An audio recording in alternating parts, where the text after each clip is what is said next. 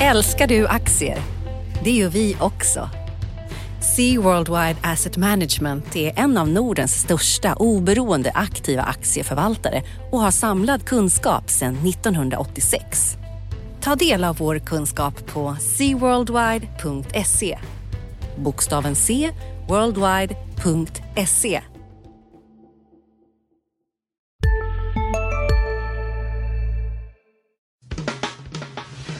Analyspodden från Dagens Industri. Hej allihopa! Välkomna till ett nytt avsnitt av Analyspodden, Dagens Industris podd där vi går igenom de viktigaste händelserna på börsen och finansmarknaden. Idag är det med mig, Martin Blomgren, bakom mikrofonen och mitt emot mig, Magnus Dagel. Just det. Hej, Hur står det till, Magnus? Det är mycket bra. Mycket bra. Det är en vecka och en fredag när vi står här nu där det har kommit ytterligare ett bud på Haldex. Det ska vi prata om. Vi har haft en Telia-smäll i veckan. Vi har eh, skrivit en hel del om utdelningar och vi har haft en nedgång i Hennes och Mauritz efter svaga augustisiffror. Det. det är några av punkterna vi ska, mm. precis, som vi ska hinna reda ut.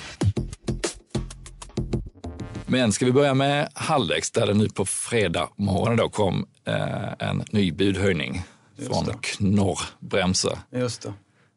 125 kronor. Vad, vad, är din gissning får man väl säga i det här fallet? För man vet ju inte hur. Nej. Tror du att det är sista budet? Nej, jag tror ju hela tiden att eh, det skulle blivit en liten försiktig budhöjning då. Och jag tror inte att det är sista ordet.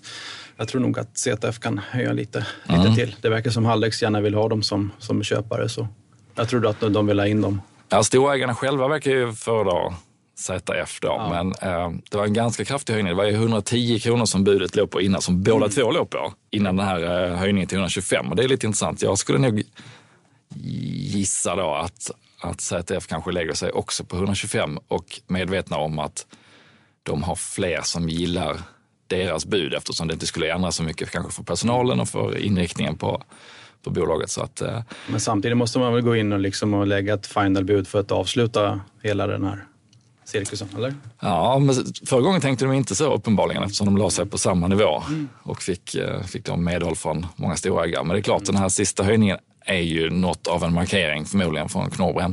Mm. Från 110 till 125, det är en rätt eh, häftig höjning. Mm. mm. Och går man tillbaka och tittar hur, hur det såg ut från första budet, där det var den tredje aktören då, SAF Holland, så, så låg det ju strax över 94 kronor. Det är alltså 32 procents uppgång sedan dess. Ja.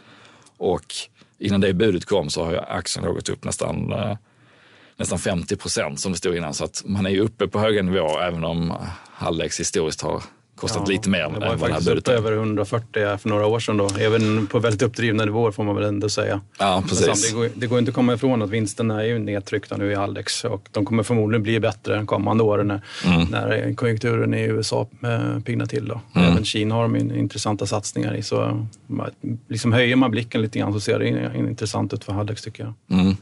Nej, det här första budet på 94, det, det sa ju vi och många andra att det där är ju för lågt. Alltså, de stod som sagt i 140 för inte länge sedan och ett bolag där det har varit tillfälliga problem och dålig, dålig lastbilskonjunktur i USA mm. ska ju inte göra att värdet som en köpare kan plocka ur då under evig framtid ska Nej. styras av, av hur det sett ut sista ja. året. Och dessutom stora återkallelser förra mm. året och så de tog stora kostnader för att trycka ner vinsten. Då, så. Just det. Mm, ja. Återstår att se om, eh, om ZF eller kanske någon helt ny äh, dyker upp. Men man kan konstatera att båda de här har ju över 10 procent av aktierna redan. Så att det är två corners ja, som är i spel och uh, vi får se hur det fortlöper. Uh, och sen har vi haft Telia. Den långa, långa uh, sagan med Uzbekistan har ja. inte fått ett slut, men ett nytt kapitel i alla fall. Ja, det var lite större belopp där än väntat. Det har väl spekulerats runt en 7-8 miljarder var nu kom det in på 12 miljarder. Så det är en mm. väldigt stor eh, bot kan man tycka. Mm. Och frågan är väl om Telia lägger sig platt där på, på rygg och, och tar den här boten eller om man fightar. Precis, de är ganska tystlåtna om, om exakt hur de tänker göra och, hur man, och vad det finns för möjlighet att få rabatt eller sådär. 12 miljarder är ju något förlikningsförslag då som så vitt vi utomstående kan förstå skulle ta bort det för, för gott på alla marknader. Och det är såklart frestande för den nya ledningen att bli av med det här för att ja. Eh, det är ingen som pekar finger på dem längre. Det var inte de som gjorde, gjorde de här uh, mutorna och, och drog på sig de här skadestånden. Men uh, 12 miljarder och säger att man kan pruta ner det lite grann så är det mycket pengar för eh, aktieägarna. Absolut, och med tanke på att de har ju inte gjort sådana stora vinster i Uzbekistan eller med tanke på de stora capex som har varit där ändå. Och de har inte kunnat föra över pengarna till moderbolaget i Sverige. Så menar, man ska ju kunna hävda att menar, svenska aktieägare och staten har inte liksom, tagit del av de här vinsterna. Liksom. Så det skulle kunna gå att fighta det om man ville. Ja, det är en väldigt märklig situation för att nu ja. kommer ju då pengarna, säg att Telia går med på det här, så kommer de här 12 miljarderna att hamna i eh, framförallt i USA då, som ja. inte ens egentligen är, är inblandade förutom att det är en transaktion i dollar och att det finns vissa Nej. oklarheter kanske kring det här holdingbolaget som, som gjorde investeringen. Men eh, amerikanerna är där och ja. tar åt sig en Ska man vara riktigt krass så tar, tar man pengar från svenska staten och ger till amerikanska staten. Ja, och uzbekerna, de har fått ett fint eh, telenät åtminstone. Ja, verkligen. Det är ju tydligen ett av de mest påkostade telenäten där i och med att Telia inte kunnat föra ut pengar. Då har man satsat i capex istället. där.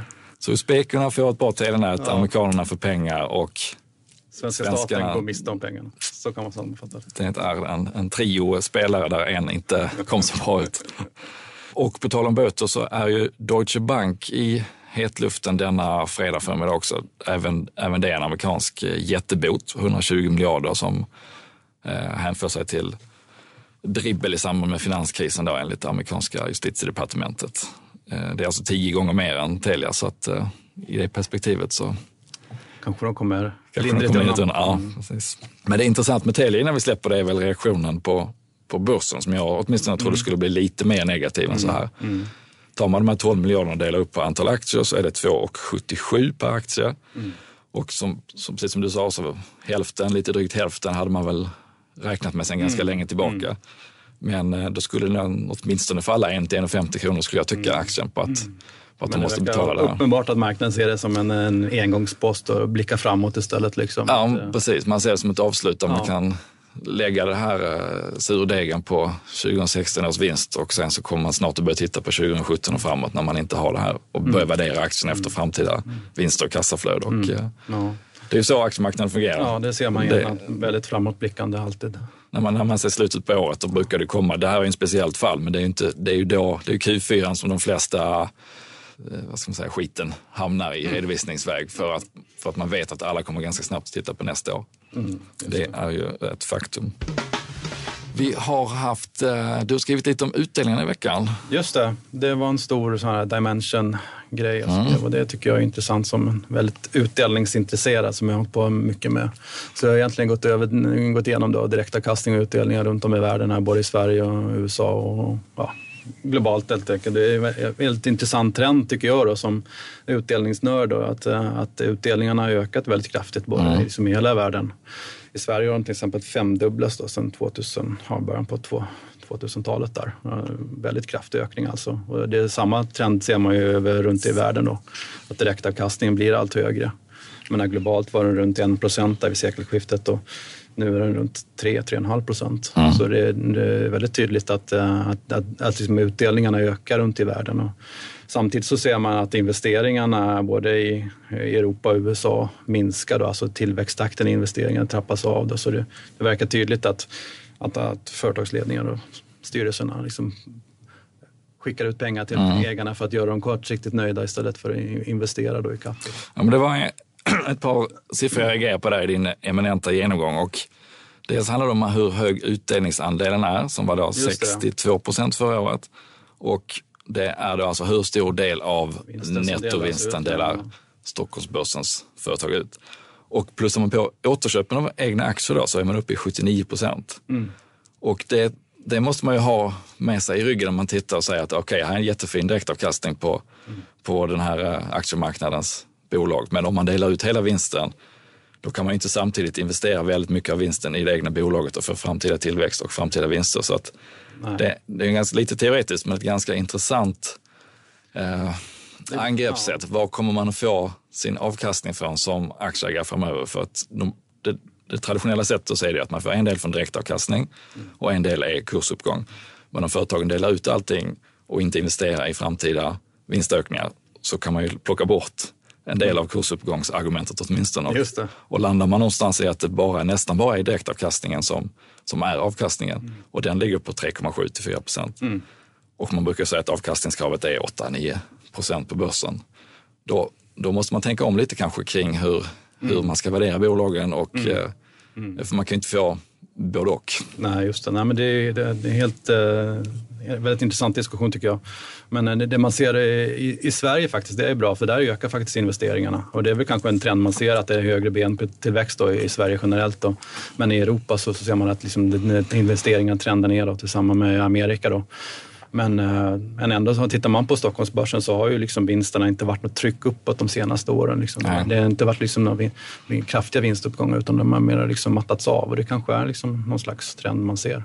Och sen är det möjligt att det är så att investeringar i capex, då, alltså liksom maskininvesteringar och sådär, det, det har ju att göra också med vilken typ av bolag är det som är stora och växer. Och Ja. Nu går vi kanske in i ett, ett skede där det inte är uh, tung industri som, som Nej. driver tillväxten längre, utan det är teknikbolag och då, då, då är det inte capex Nej. i den bemärkelsen. Alltså, eh, Det brukar ju sägas att liksom världen blir mer, mer asset light liksom, i takt med Ja. internets eh, intåg och med, blir enklare med log- logistik och liknande så man behöver inte lika mycket capex. Liksom. Så det kan ju också vara en, eh, en anledning till att, Ja. att det behövs inte investeras lika mycket och att man kan dela ut mera till till, till ägarna. Då. Men det känns som ändå som en väldigt hög andel som delas ut. Och, men tittar man på trender i USA, där finns det bäst statistik. Då. Där finns det bra statistik på utdelning och direktavkastning ända sedan början av ja, 1900-talet egentligen. Mm. Och där har faktiskt nu eh, alltså direktavkastningen gått om eh, långräntan. Direktavkastningen på S&P kanske är 2 procent. Och, Och så brukar det inte se ut i USA, Nej, så har det det sett ut här men inte ja, där. men absolut. Ja, det är väldigt intressant tycker jag. Då. Eh, Det var faktiskt sedan 1957 så var det det omvända då. Men Sen dess har alltid liksom, alltså, räntan, långräntan varit högre än direktavkastningen på aktier för, på grund av liksom en, ja, eh, inflationskomponenten då, som tryckte upp räntorna. Då. Men nu, nu har det reverserats då. Är i takt med räntekollapsen då. Ja, men det, jag, jag tror det är en stor trend vi är inne på där. Ja. För även de bolag som traditionellt har varit tunga i, på tillgångssidan, att man har som stora maskininvesteringar och så där, de går också mot den här asset light-trenden. Och, och man får inte glömma heller att börsen är ju inte alla bolag, utan börsen är ju på något sätt, i den bästa världen i alla fall, gräddan av, av företagen. De som inte... I den bästa världar, ja. Precis, i den bästa av världar. Men det finns ju ett naturligt urval att de åker ur eller åker ner i börsvärde, de som inte är bra och de som är duktiga hamnar högt upp. Så att, eh, man, man, kan inte, man kan inte säga att börsen är hela för, företagsvärlden. Nej, är, nej, det stora, kan man inte göra. är det stora bra verkstadsföretag på Stockholmsbörsen som outsourcar och, och låter andra göra produktionen som inte är börsnoterade så kommer ju the assets, tillgångarna, alltså de stora maskininvesteringarna, att ligga på andra bolag. Eh, nu svävar vi bort lite från utdelningen här, men Det som ändå är viktigt är ju ändå att det är positivt för oss som är investerare att det är bra direktavkastning på ut och man får väldigt bra utdelningar. Man skulle ju kunna tro att liksom institutioner och pensionsförvaltare ska dammsuga aktiemarknaden på bra utdelningsaktier. Men så är det ju inte utan min sökning, det fanns ju menar, 40, över 40 bolag som hade 4 i direktavkastning på börsen bara. Så det finns ju gott om liksom bolag att, att hitta med bra direktavkastning. Det beror ju på, samtidigt på de lagar och regler som finns att pensionsförvaltare får inte Just nu pågår vår stora season sale med fantastiska priser på möbler och inredning. Passa på att fynda till hemmets alla rum, inne som ute, senast den 6 maj. Gör dig redo för sommar. Välkommen till Mio. CSRD. Ännu en förkortning som väcker känslor hos företagare. Men lugn, våra rådgivare här på PWC har koll på det som din verksamhet berörs av. Från hållbarhetslösningar och nya regelverk till affärsutveckling och ansvarsfulla AI-strategier. Välkommen till PWC äga bara aktier. Det. det. skulle man ju kunna tro i och med att de har en lång placeringshorisont Mm. då, eller oändlig placeringshorisont att de ska äga mycket aktier. Men så är det ju inte utan de måste ha räntor också i stor omfattning. Då. Mm. Men det öppnar ju upp för privata investerare att kunna bygga utdelningsportföljer. Då. Och jag Mm. byggde ju en liten utdelningsportfölj i veckan då med fem, fem bolag. Då. Tele2, Swedbank, Betsson, Björn Borg, Castellum. Får man ändå 5,5 procent och det är inte alls svårt att bygga Nej. egna portföljer. Då. Så det är positivt för oss investerare. Då. Så är det ju. Och sen så får man ju då vara uppmärksam på om någonting händer i ett enskilt bolag som gör att de inte kan hålla utdelningen. Men, men skapar man en portfölj som ger, där varje enskilt bolag ger en 4-5 procent, så kan ju i, i praktiken ett eller två bolag falla bort. Ja. Och man är, kommer ändå ha en bra direktavkastning. Mm. Så att, eh, jag håller med om att det är ett bra sätt att, Ja. att bygga sin egen portfölj. Och man kan liksom ha en större portfölj också med fler, fler bolag. Då. Och man kan kombinera det med, med preferensaktier då, som vi skrev om här för, förra veckan. Då, så får man bra flöde. Mm. Eh, mer i veckan är ju då att börsens tyngst vägande bolag, Hennes Mauritz, släppte försäljningssiffror för augusti. Och eh, den var väl inte så himla bra direkt. 7% upp låter kanske bra, men då ska man komma ihåg att de har öppnat ungefär 13% fler butiker än vad de hade för ett år sedan. Eller de har 13% fler butiker. Så att eh, räknar man bort det så är det, är det inte en bra siffra. Och analytikerna har räknat med 12 procent, eh, vilket man kan tycka låter högt med tanke på att alla har ju sett att det har varit väldigt varmt i, i hela augusti och när det är varmt i slutet på sommaren så brukar det inte vara bra, bra för Är klädhandeln. det bara i Sverige det har varit eller är det samma i Europa och övriga? Jag menar, Sverige står väl för 5 procent av H&M's Ja, försäljning. nej, men det har varit överallt. Det har varit i hela Europa, det har varit även globalt. Jag som av en händelse var inne och tittade på NASAs eh, statistik över, eh, över temperaturen och eh, den här sommaren har varit den varmaste uppmätta hittills. Och eh, augusti stack också ut som, som eh, rekordvärme. Och det har varit liksom 30-40 grader i södra Europa, det har varit varmt i, i London, i Tyskland, eh, även i de andra nordiska länderna. Och det intressanta är att det har fortsatt in i september nu. Ja. Eh, nu, igår på torsdagen så slogs då, eh, rekorden från 1983 i massor av svenska städer. Det har varit 26-27 grader på sina håll. Fan, du, du har koll på det här. Jag, Ja, jag jag skulle... dykt ner lite i, eh, i SMHI och länkat vidare till, eh, till andra sajter där. Eh, Men det, och det är ju intressant för att nu kommer ju klädbolagens rapporter snart. De ligger ju med brutet räkenskapsår så att väldigt många hinner komma innan de vanliga rapporterna. Och då är det fram till och med augusti och H&M sa ju då att andra halvan av augusti var ju an, anledningen till att försäljningen inte blev så bra. Så det kommer ju synas i de andra. Eh, Men de kommer också att behöva prata om hur det sett ut i september och när halva september har gått med högsommarvärme så är det ju inte många som har gått och köpt en vinterrock eller en varm gosig tröja. Så att det kommer synas även om det skulle vända till kalla väder nu. Så 2016 är ett nytt förlorat år för H&M. Kan man sammanfatta det så? Ja, man kan nog det eftersom det finns ett, en hel del tillfälliga effekter som, som man vill se försvinna för att kunna se vad de har för underliggande lönsamhet. Det är en stark dollar som gör deras inköp dyrare. Den var stark i våras, sen gick den ner. Då var tanken att det skulle fejda ut de här negativa effekterna under hösten. Nu kanske det förskjuts för att dollarn har hämtat sig. Det var eh, ogynnsamt väder i våras också. Nu kommer man leva med det i den här rapporten och i nästa. Och man har de här satsningarna på IT online som, som inte Men det är alltid nästa år som gäller för H&M. kanske blir så i år då.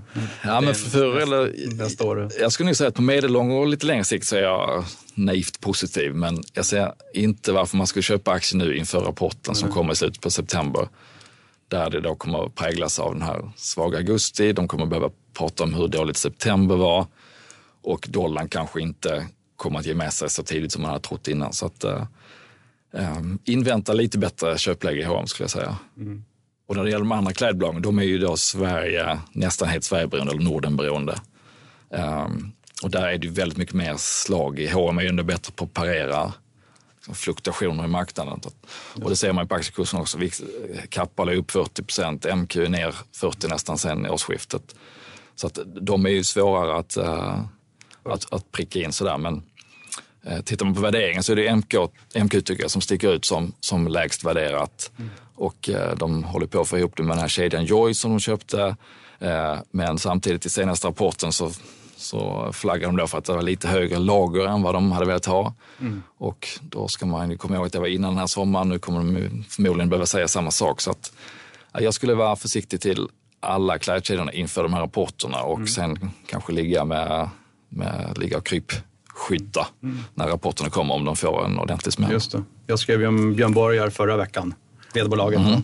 Så men, eh, där ser man väl att det drivs snarare av egna satsningar än, än snarare av svenska konjunkturen. Ja. Så det är väl kanske det man vill leta efter som bolag som kan satsa själva och stärka starkt varumärke som kan Ja, egna satsningar helt enkelt som bär, bär, Mm. bär frukt. Då. Och de har ju inte de här säsongsvariationerna heller som, Nej.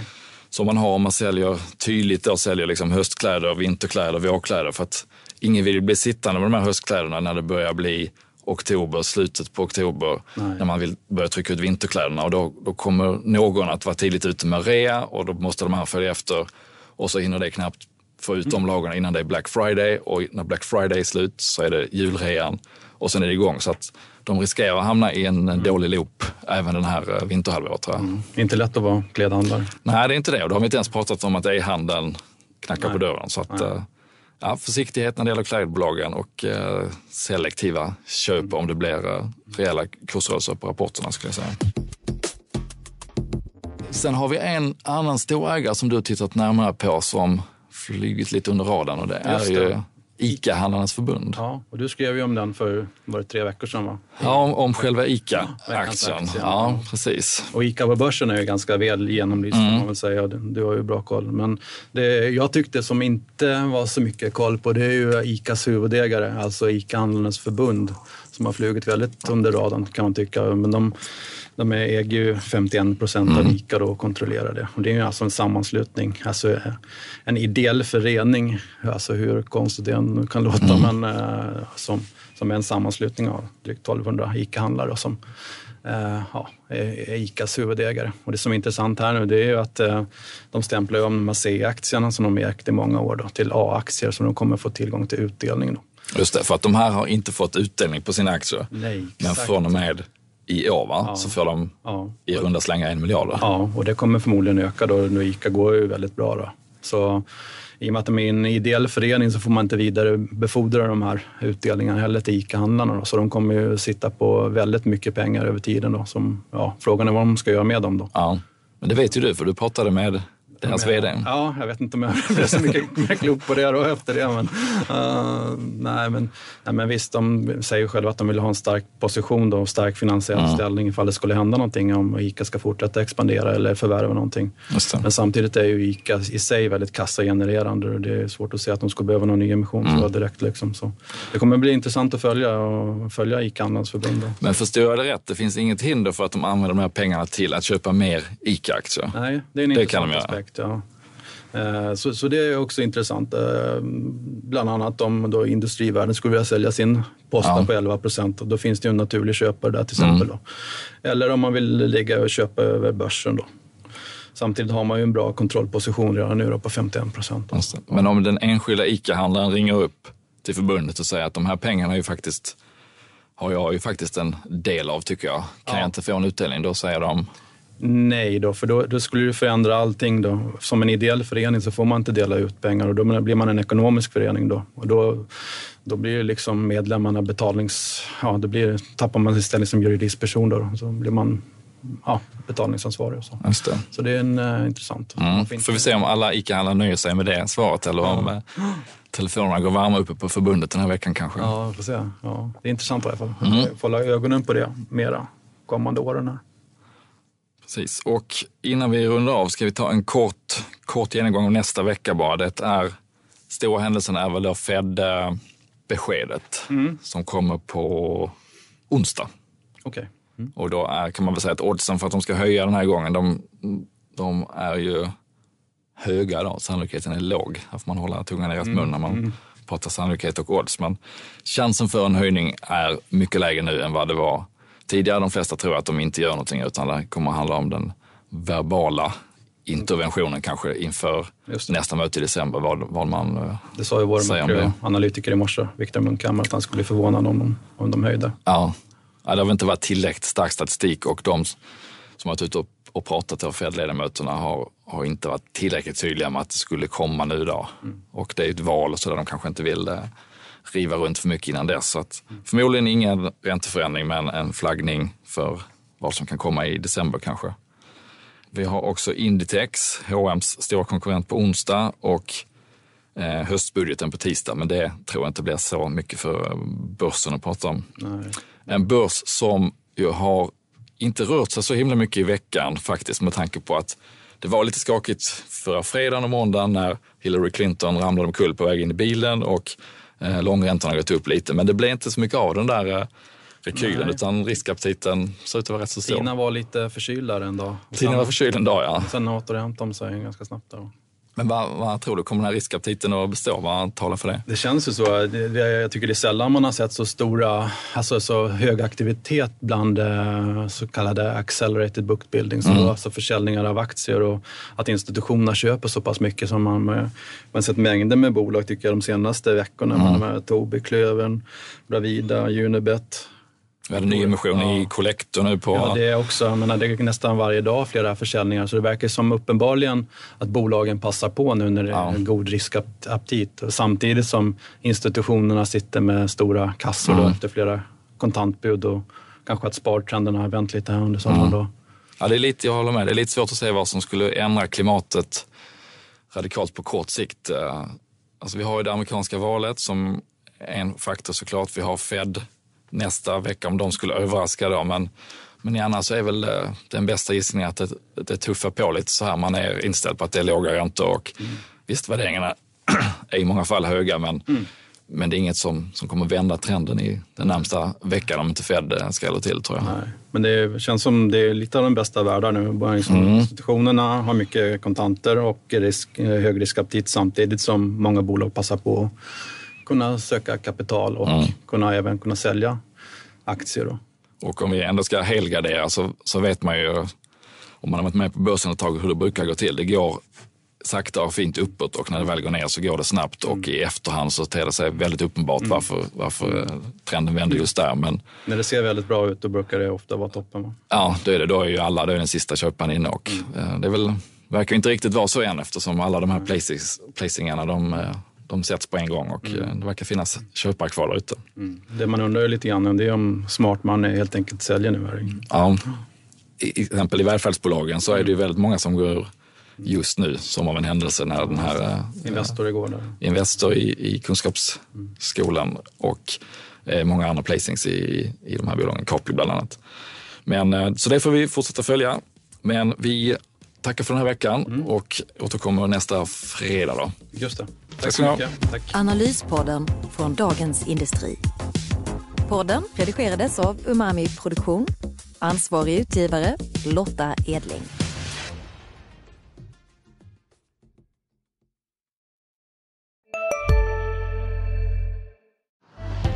Älskar du aktier? Det gör vi också.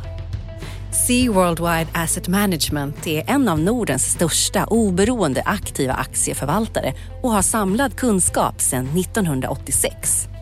Ta del av vår kunskap på seaworldwide.se. Bokstaven C, worldwide.se